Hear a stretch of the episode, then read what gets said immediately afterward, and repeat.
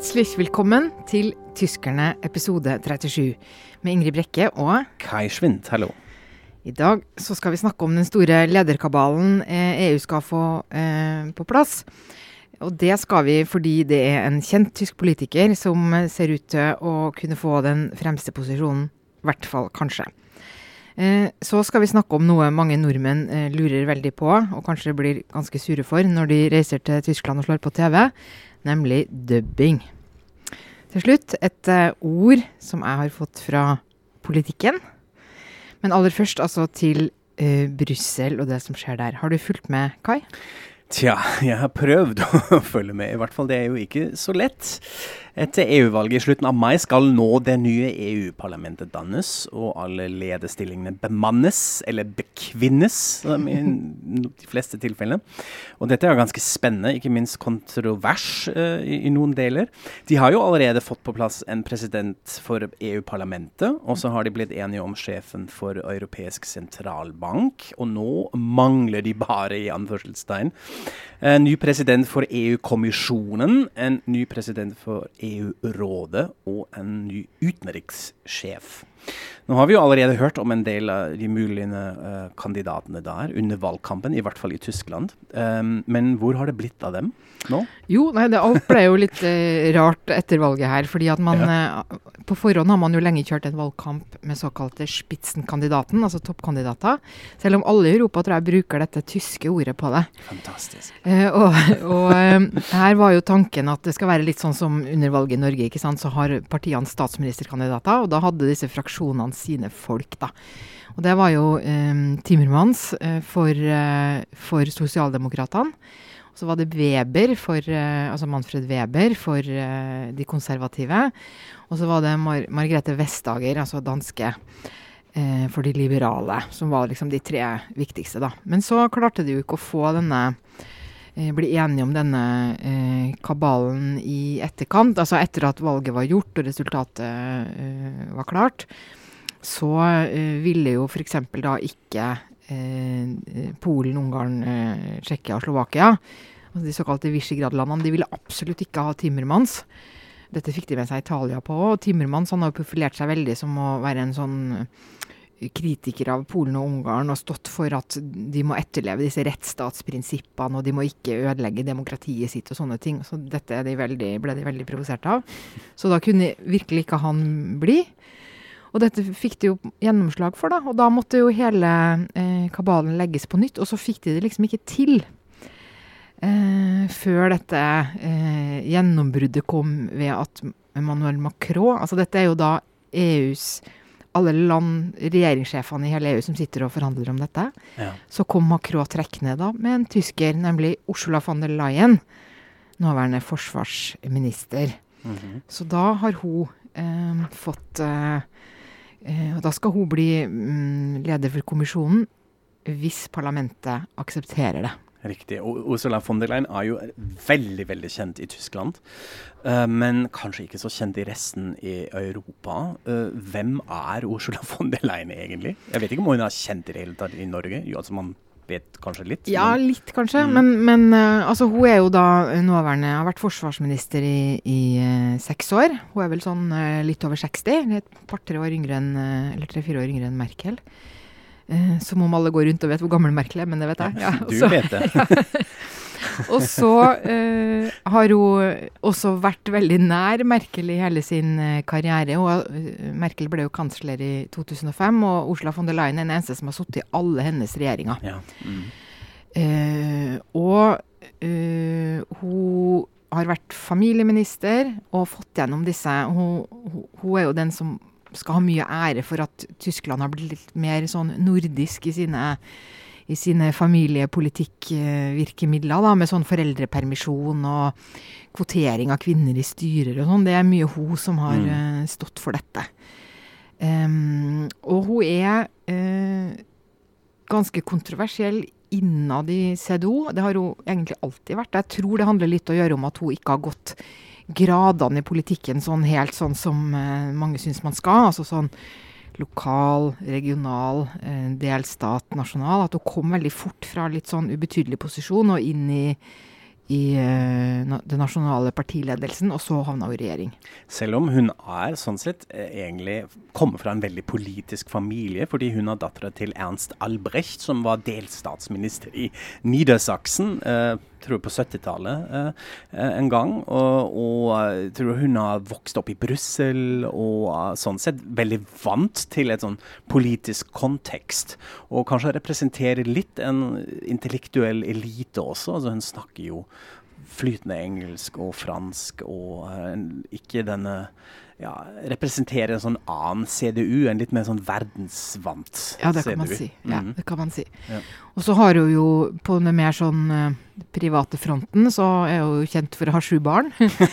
det er jo ja. en bragd også. Uh, og hun er jo da utdanna mm, lege, og har faktisk jobba som lege i masse år. Og, sånn at det ikke det er ikke bare sånn utdannelse og politikk, men det er en, en ordentlig yrkes, et ordentlig yrkesliv. Mm. Eh, men dette har jo vært utrolig mye rabalder om i Tyskland. For altså, hadde dette vært Norge, så hadde vi jo bare vært så stolte. Å, en, en, en, fra Norge som skal få en sånn flott posisjon. Men eh, sånn tenker man jo ikke i et sånn stort land som Tyskland. Og der er det i hvert fall tre forskjellige grunner til at det har vært veldig mye reaksjoner. Det ene er jo at sosialdemokratene er rasende fordi Timmermans, altså den sosialdemokratiske kandidaten som jo var en sånn spitsenkandidat, eh, bare ble pælma.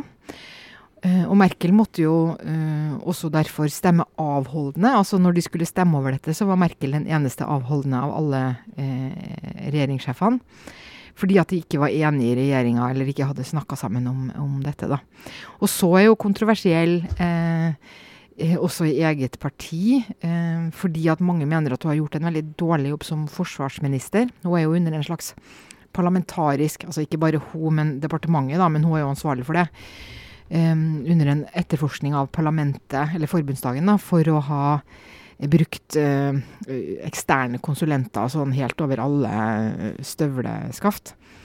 Eh, og så er det den, den eh, tredje grunnen til at det er så mye rabalder, er jo dette at man anser det som udemokratisk. At, ikke, at hun ikke har vært i spill før, eh, ja. men bare plutselig blir trukket på hatten. Og det må jeg si har jeg også reagert litt på. fordi altså, I Tyskland spesielt har man jo gått til valgkamp med disse spitsenkandidater, med disse desidert kandidater som hele kampanjen, valgkampstrategien, ble strikket rundt, egentlig som Manfred Weber.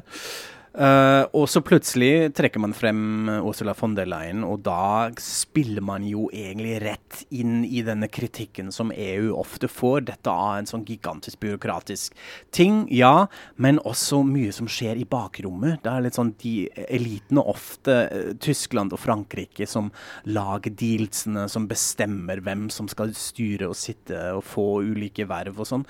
Og det virker nå som det er nettopp det som har skjedd. Uh, så det er sånn sett ganske uheldig, for å si det litt uh, diplomatisk. Og det er derfor som man har fått veldig mye kritikk. Jeg vet ikke uh, om uh, man har reagert så fryktelig i andre land rundt, rundt, dette, at det ikke var nettopp disse kandidatene som ble til slutt Nei, jeg, Sånn som jeg har oppfatta det, så er det, det er veldig tysk å, å, tenke på dette nå. Mm -hmm. Altså fordi at det er, bare, det er noe med det at det er bare land av en viss størrelse, og Tyskland er jo så mye større enn de andre at dette har vært synlig, og man har snakka veldig mye om det. Og man, har, og man har jo også selv i Tyskland hatt Weber øverst på den ene eh, lista si. Mens i veldig mange land så har jo ingen, altså de aller fleste landene har jo ingen av disse spitsenkandidatene stått på noen lista, for de kommer fra andre land. Sånn at um, jeg, min oppfatning er at dette er det er, ikke, det er ikke noe stort problem eh, sånn demokratisk. Utover det at man, det at man sier, sier, noe og ikke oppfyller løftet, er jo et demokratisk problem. Ja. Mm. Men det at folk har hatt noe forhold til disse menneskene, det tror jeg ikke de har. Og jeg snakka nettopp i, i, dag med en kollega som kjenner Frankrike veldig godt, og som sa at der er ikke dette noe tema i det hele tatt. Tvert imot så får Macron masse skryt fordi at han har vært sjenerøs og samarbeidsvillig og foreslått en tysker, mm. eh, som jo også står på en linje som, som er veldig ganske populær i Frankrike, da, med f.eks. sånn hun, hun, er jo tilhenger av sånn felles europeisk eh, forsvar og sånne ting. Ja. Jeg tror også det bråket representerer litt den store uenigheten og usikkerheten rundt den store koalisjonen i Tyskland.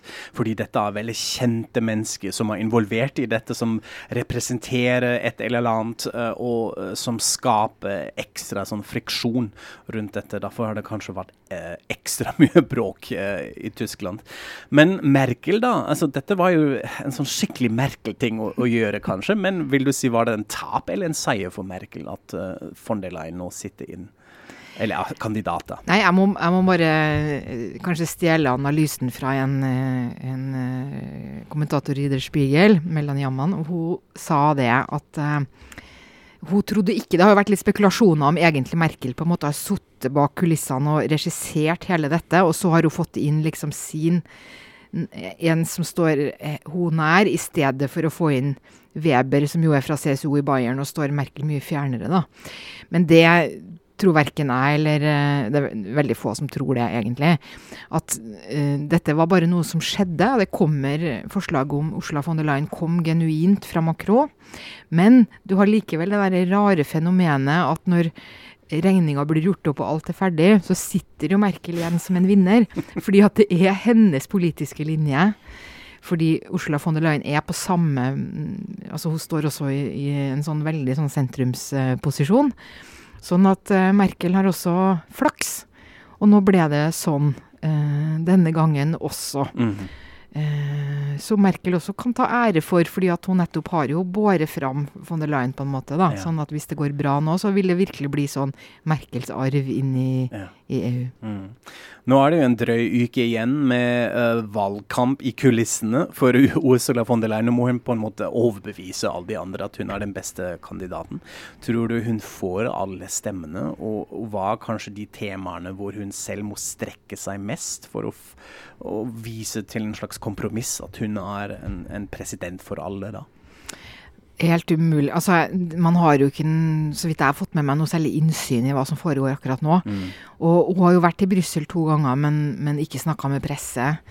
Eh, og, så ingen vet egentlig ordentlig hva som skjer nå. Men, men jeg har hørt i i eh, politikkpodkast til Deutschlandfunk så gjorde de forsøk på en opptelling av hvor mange stemmer hun kunne få i parlamentet. og Der lå det an til at hun skulle få 60% Men det var i forrige uke, og nå leste jeg senest i dag en annen uh, sånn uh, opptellingsanalyse hvor det var helt i det blå. Hvor de sa at vi aner ikke. For det, dette går jo, disse stemmene, det handler jo både om um, at hun får støtte fra sin egen fraksjon, men også mange steder fra andre fraksjoner altså fra andre land. Så det er både geografiske og politiske skillelinjer. Eh, som, så det er utrolig vanskelig å holde oversikt over hvem som vil eh, støtte hvem når du har eh, flere partier i spill fra 28 forskjellige land. Mm, absolutt. Så blir det jo spennende å se, fordi hun representerer jo en slags sentrumposisjon, kanskje, også selv om hun er konservativ, altså på Merkels linje. Mm. Og da blir det jo interessant hva som skjer med de store temaene som vi alle stemte for i EU-valgene, med hva skjer med klima- og miljøpolitikk, og hva gjør vi med flyktningsspørsmålet, hvor vi trenger absolutt en, en enighet om i EU, og da er det kanskje lurt at hun representerer representerer denne sentrumsposisjonen også som Merkel gjorde. Selv om det er spennende med, med østeuropeiske land, altså Er de med? Det blir virkelig interessant å se om hun klarer å overbevise dem, da, kanskje. Ja. Eller presse dem. Eller presse dem, ja. Hvem vet hvordan disse deals uh, ser ut. En annen ting som er kanskje litt fristende, er jo at vi ser et slags, ja, ikke nødvendigvis generasjonsskifte, men et sånn kjønnsskifte i EU-ledelsen. Det er jo litt stas at det er nå veldig mange kvinner i disse toppledelsesstillinger. Uh, uh, og når vi tenker på nettopp hennes posisjon, som hun da muligens får, dette blir jo en annen stil enn Claude Juncker, som har jo det var mye snakk om hans Han har jo en litt sånn grafsete stil. Uh, med folk så har det også vært kolportert at han var full uh, i, i, noen offisielle opptreden og anledninger og sånn, så det er jo en veldig annen Hun er jo mye mer elegant og stilig, kanskje. Så det blir jo interessant å se hva som, hva som, skjer. Og så er hun jo kanskje en, en veldig god Mye bedre kommunikasjonsperson. Ja. Hun er jo kjent for det. I Tyskland så er hun sånn gjest i talkshows og veldig god til å snakke. Mm. Så det. Ja, da skal vi over fra eh, et europeisk fenomen til et annet europeisk fenomen, kan vi kanskje si. Eh, nemlig noe i hvert fall de største europeiske landene, og nest, kanskje nesten alle også, driver med. De dubber utenlandske filmer og mm. TV-serier. Noe vi her i Norge syns er ganske merkelig, og noen av oss syns er helt forferdelig. Jeg bare sier det som det er. Jeg hører en litt ja. irritasjon der i stemmen. ja. Så det, men uh, du har kanskje sans for dette, du Kai, eller hva? Ja, nei, sans for dette Altså, jeg skjønner jo at folk i Norge syns det er veldig merkelig, eller at det er veldig irriterende når man skal på ferie på hotell i Tyskland og tenker ah, nå kan jeg se på en sitcom her, og så ah, snakker alle tysk. Men jeg vokste jo opp med dette, uh, så for meg var det helt vanlig. Uh, men jeg husker det faktisk allerede da jeg var barn, at jeg syntes det var veldig rart at f.eks. James Bond snakket tysk. At jeg husker dette. ja, det var litt rart. spurte mammaen min hvorfor snakker Sean Connery tysk? Hvorfor kan han tysk? Og da forklarte hun meg ja, nei, det er en tysk skuespiller som snakker tysk over det som James Bond sier i originalen. Jeg syns det var veldig sånn, fascinerende, eh, men også veldig merkelig. Ja. Men hvorfor driver man med dette, da, i stedet for å være fornuftig og tekste sånn som vi gjør i Norge? ja, veldig godt spørsmål. Altså, man må jo si at rett fra begynnelsen, da film kom frem, en, det nye massemedium, så uh, var jo den interessen at man skulle vise film i flest mulige land, rett og slett for å tjene penger. Det var absolutt ikke noe problem med stumfilm. Da bare bytter man ut disse teksttavlene, og så kunne man vise alle filmer i alle land. Men da lydfilm kom, ble det litt mer komplisert. Veldig interessant faktisk å lese litt om det, hvordan de gjør det først. Ikke med alle filmer, men med en del. De ble faktisk spilt inn flere ganger. At man spilte inn scenen med de amerikanske skuespillerne, så bytter man ut. Så kommer franske skuespillere. Hitchcock gjorde det med noen av de tidligere mhm. filmene, og man gjorde det også i Tyskland.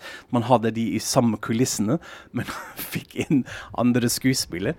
Uh, men man kan jo tenke seg at dette er utrolig komplisert. Man får alle til å være uh, på samme sted til samme tid? Samme tid. Innspillingen tar jo evigheter, uh, så det er absolutt ikke praktisk. Så etter andre verdenskrig så satser man veldig på å få opp en egen dubbing, dubbeindustri. Uh, altså uh, ja, tilnærme seg dette litt mer industrielt for å få alle disse utenlandske filmene ut til folket som ikke kunne engelsk eller fransk eller andre språk. Uh, og også kanskje for å tilpasse innholdet litt iblant. Uh, at man kunne rett og slett redigere, iblant sensurere litt når filmen var kanskje ikke helt sånn familievennlig, så kunne man forandre litt. Eller av og til også ideologiske grunner. Det finnes en egen veldig spennende uh, avhandling om dubbing i DDR, hvor man kunne jo tilpasse ja, litt sånn ideologisk. Ja, da kunne man fikse mye, selvfølgelig. Ja. Ja, ja. Så det skjedde da. Ja, ja. Mm. Og i dag er det en helt naturlig del av alt som lages. Helt naturlig for oss, i hvert fall.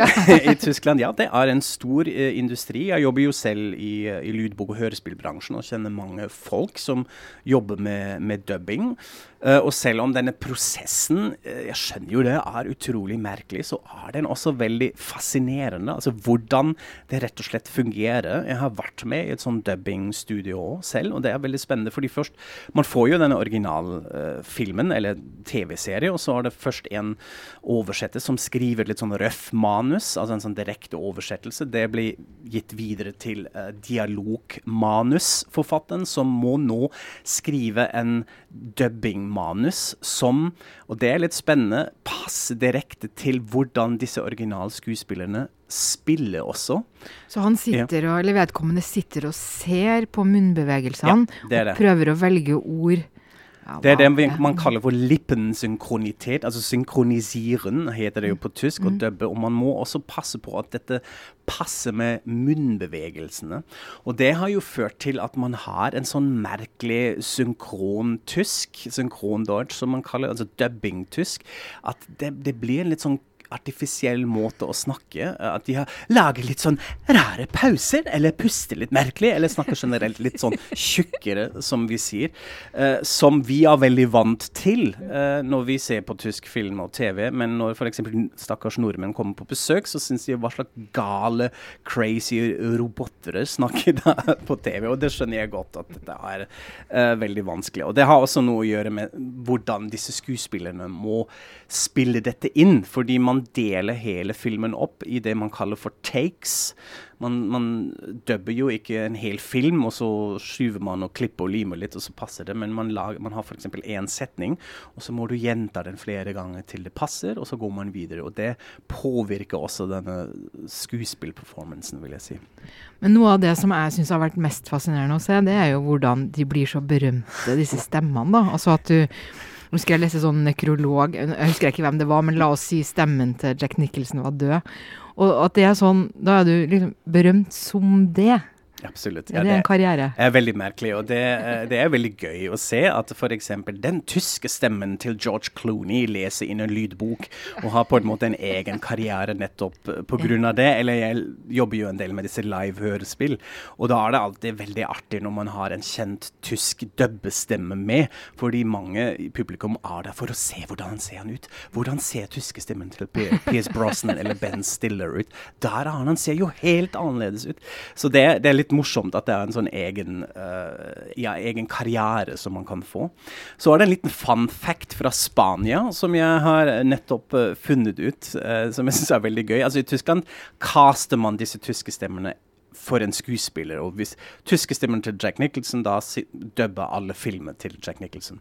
Men i Spania dubber man etter sjanger. Altså Hvis f.eks. Robert De Niro spiller inn i en komedie, så har han en annen spansk stemme enn stemme enn hvis han er gudfaren eller noe sånt. Så det må jo være enda mer forvirrende hvis man har sånn flere spanske Robert De Niroer. Så kan de folk. ha sånn lite kveldstreff, da, alle vi som dubber Robert ja. De Niro, møtes og tar et glass vin og snakker om det. Ja. Ikke sant? uh, Robert De Niro-gruppen. Jeg kan jo komme med en liten fun fact fra, fra Polen, da, uh, som jeg leste her. Nemlig at der har de også denne dubbingtradisjonen, men i en mye billigere versjon. Det er nemlig bare sånn som vi er vant til fra denne julefilmen vår 'Tre nøtter til Askepott'. Mm -hmm, mm -hmm. Det er bare én stemme som leser. Ja. Og eh, på polsk så heter det å gjøre lektorat. Og så tenkte jo Netflix at nei, vi kan jo sannelig gi polakkene noe bedre enn dette. Så de prøvde jo å innføre litt sånn ordentligere dubbing med forskjellige folk i de forskjellige stemmene. Men da ble det ramaskrik. For det skulle de ikke ha noe av. For det skulle være sånn som man er vant til. Og det viser jo Det handler vel veldig mye om dette. Altså hva slags kultur man Absolutt. har. Det er veldig mm. avhengig av det. Altså at mm. vi er så vant til A ja. pga. den tradisjonen. Og vi, har, det, vi, gjør jo heldigvis i anførselstegn dette som man kaller for full cast dubbing. Altså at det er én stemme for hver skuespiller. Også at man legger på lydeffekter, og at man prøver å skape en sånn naturlig Uh, lydlandskap som mulig, som skal ligne mest mulig uh, på, på, den originalen. Men det fungerer jo ikke så bra med alle sjangere. Altså det å dubbe humor, f.eks. sitcoms og sånne ting, er jo utrolig vanskelig. Jeg skriver jo nettopp en bok om Friends, ja. uh, og da har vi også sett litt på tyske dubbingen av Friends. Og Friends, som er jo kanskje noen av de mest populære sitcomene i hele verden, fungerte jo ikke så bra i Tyskland, rett og slett pga. den dårlige dubbingen. De har ikke klart å få det til så bra. Den er litt sånn dårlig skrevet. Så har de også feilkastet uh, skuespillerne, så det høres ekstra rart og dorky ut uh, på tysk. Og tror jeg er en av de grunnene at Friends aldri slo an uh, i Tyskland. Men er det, så er det vel også sånn at uh, det at man driver med dubbing, eller at det er så utbredt, gjør at man blir dårligere i engelsk?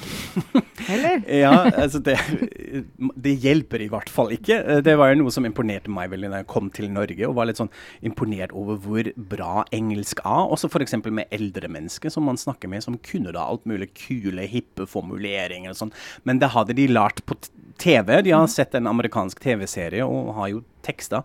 Og for meg å flytte hit det hjelper jo veldig å kunne se på uh, amerikanske TV-serier med norsk tekst uh, for å lære seg språket.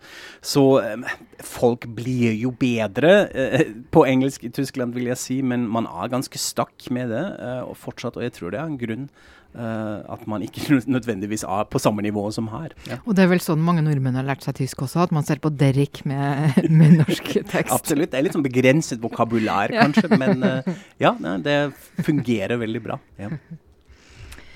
Jeg har hørt uh, Nei, jeg har ikke hørt. Men du mener at det kanskje kan finnes filmer som faktisk er bedre på tysk enn på originalspråket? Ja, det er jo litt kontrovers uh, å, å, si dette, men jeg mener det. Altså, en av litt kanskje litt sånn åpenbart eksempel, nemlig 'Schindlers List'.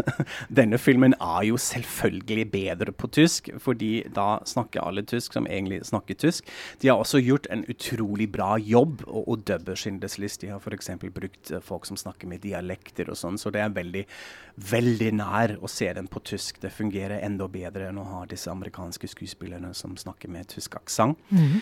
uh, men så finnes det også en TV-serie som jeg tror er kjent i Norge òg. Den heter The The Persuaders med Tony Curtis og Roger Moore. Gullguttene, tror jeg heter den. Jeg er ikke kjent med den, men ja. det kan jo være meg. Det kan jo hende at den er kjent. Ja, sikkert ja. noen som kjenner den. Og ja. den er utrolig populær i Tyskland, hvor den heter Die Zwei, nettopp fordi den har blitt dubbet på en helt annen måte enn originalen. Altså, de har lagt til vitser.